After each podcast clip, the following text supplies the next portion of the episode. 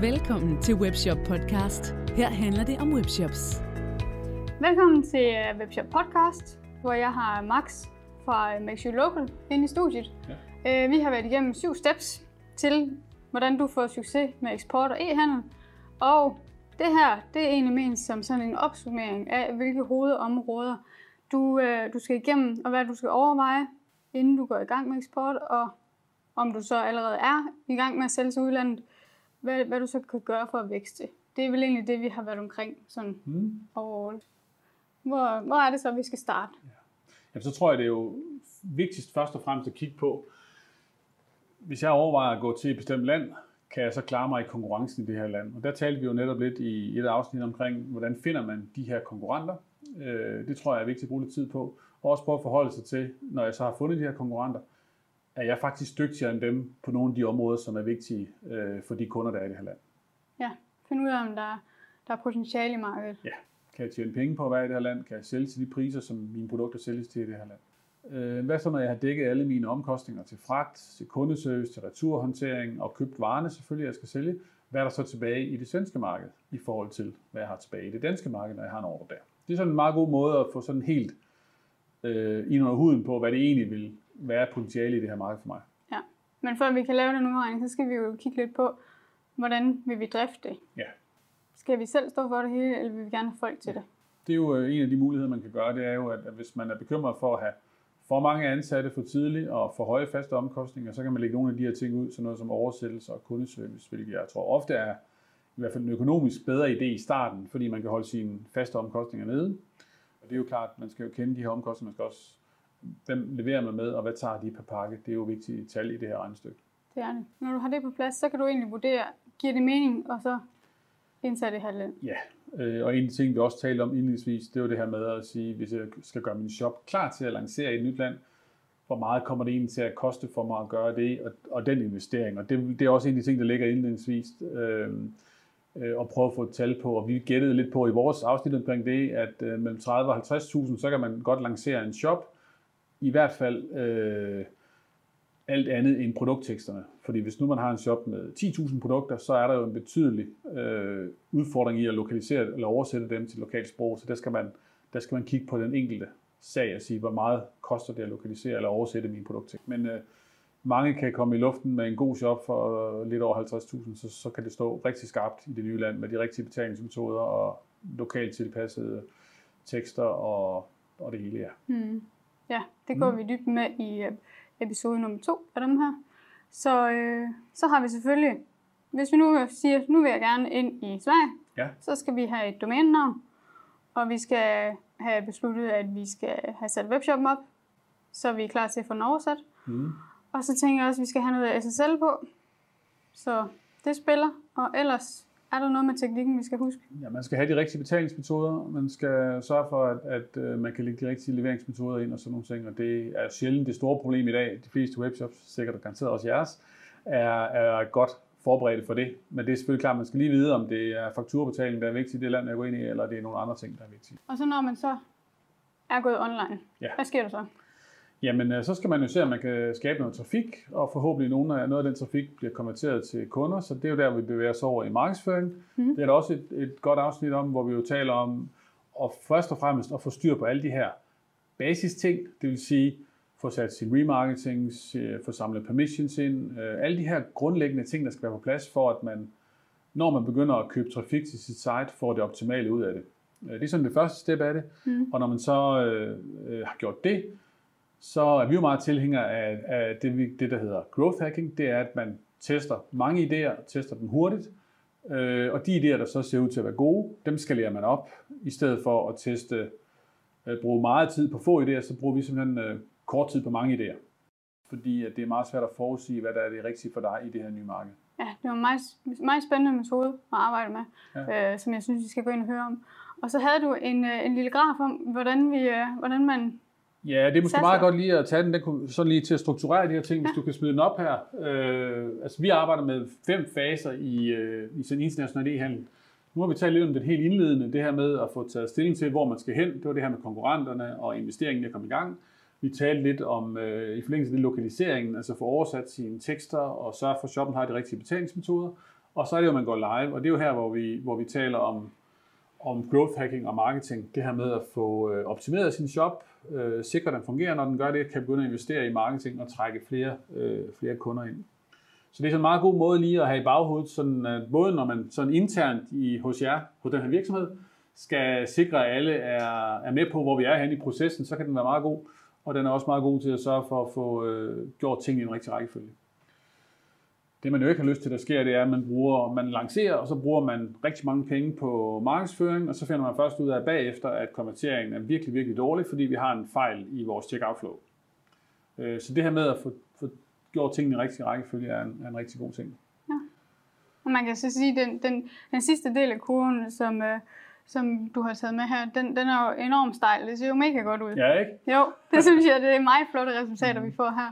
Ja. Men jeg vil så sige, det kommer jo også lidt an på, hvor, hvor villig man er. Hvor meget ja, man er klar til at investere. Selvfølgelig er det det. Og det jeg også plejer at sige til dem, jeg taler med, det er jo, at, at øh, hvornår man føler, man er lykkes, hvornår man har succes, det er jo for nogle webshops, hvis de har 200 ordre i måneden i nyt land, for andre så skal det måske være 2.000 ordre i måneden. Der er vi jo forskellige, men det jeg tror, der er den vigtige målestok at have, det er, hvornår har jeg omsætning nok til, at jeg faktisk har en fornuftig indtjening. Ja. At jeg i hvert fald tjener penge, og ikke taber penge på at have det. Fordi hvis jeg for lang tid ligger nede, og ikke rigtig har noget overskud, så kan det godt være et ret frustrerende projekt. Så det gælder om at få løftet sig op over 0, kan man sige, og så tjener jeg en lille smule penge, og så kan jeg ligesom fra det niveau tænke, hvordan kommer jeg videre herfra. Ja. Og så har du en rigtig god pointe med, at man skal ikke sætte forventningerne for højt.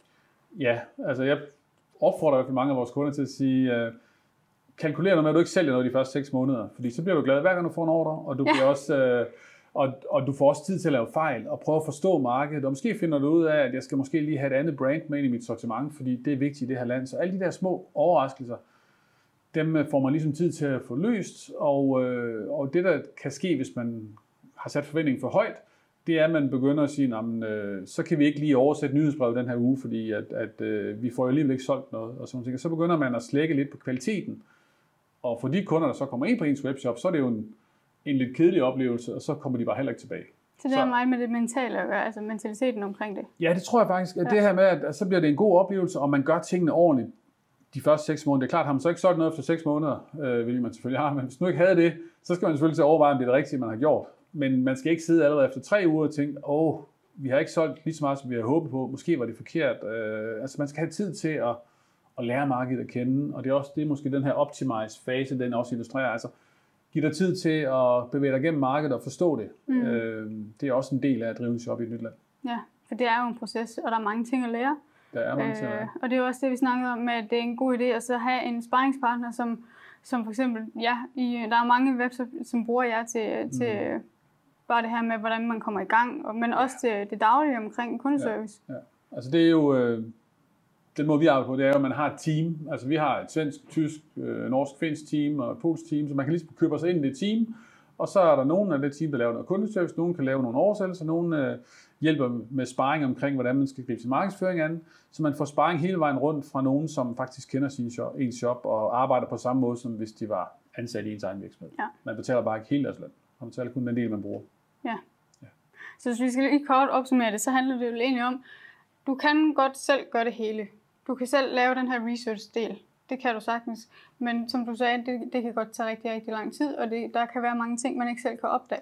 Ja. Så, men, men du kan godt, hvis du gerne vil, og ikke har det store budget. Men hvis du har de store intentioner, så, så kan man jo komme hurtigt i gang ved hjælp af sådan Ja, noget, altså, og man kan mange ting selv men man kan ikke blive svensk i morgen eller tysk i morgen. Nej. Så der er nogle helt grundlæggende ting, som er virkelig svært, når man sidder i Danmark. Så, så man skal passe på, man ikke... Øh, fordi problemet er jo, at det kan blive dyrt at, at gøre det billigt, hvis ja. man ikke finder ud af, hvad det egentlig er, man er på vej ud i, og så oversætter man måske hele sin shop til tysk, for at finde ud af om to måneder, at jeg har slet ikke en chance for at tjene penge på at sælge det her marked.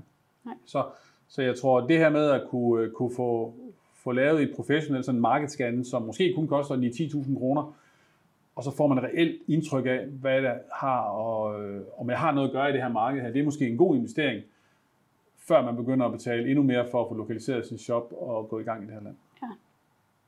Og så når man er online og kørende, så, øh, så kan man jo sætte hårdt og få en flot graf, ligesom den, du har taget med. Man kan, man kan tage det i det niveau, der passer til en selv.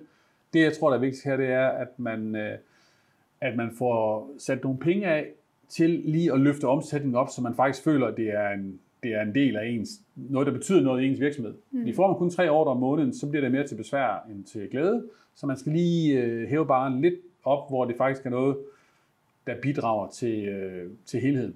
Ja. Ellers så bliver, det, øh, så bliver det ikke en succes. Altså man skal lige få løftet det, det stykke op, og det er netop for nogen kun, det kan være, det er 100 ordre, eller 50 ordre om måneden.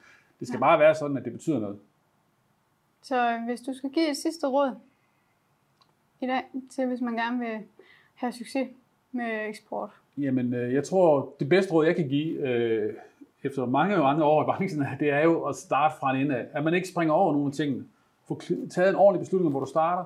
Få lokaliseret din shop ordentligt, fordi konkurrencen er hård alle steder, så der er ikke nogen steder, man kan gøre det halvt. Og så øh, teste ting i sin markedsføring, og ikke bare øh, brænde alle pengene af det første dag. Ja.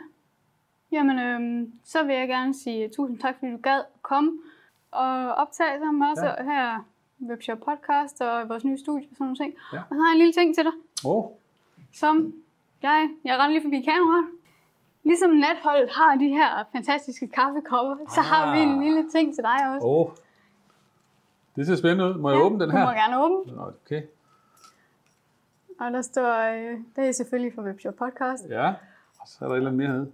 Og så er der... En nøglering. Det er en nøglering. Ah. Med indkøbs. Ah, hvor... fantastisk. Til det... e-handel eller til fysisk handel? Det er til, til fysisk handel. Okay. det er et godt spørgsmål. tak. Tak fordi I lyttede med. Det var, øh, jeg synes, det var en, en, lidt af en rejse, og så få dækket alle de her områder. Jeg tror, der er mange, der kan bruge det. Vi får i hvert fald mange forspørgsel på det, specielt omkring Norge, så det har været rigtig, rigtig fedt også at få de guldkorn. Ja. Så øh, jeg synes helt klart, at I skal høre hele episoden, for der kommer mange gode ting. Og så øh, hvis I synes om det, så giv os lige fem stjerner inde i din podcast-app, og så kan du følge med på YouTube, og så se den her graf, som, øh, som Max han havde taget med. Øh, det synes jeg helt klart. Så tak fordi I lyttede med.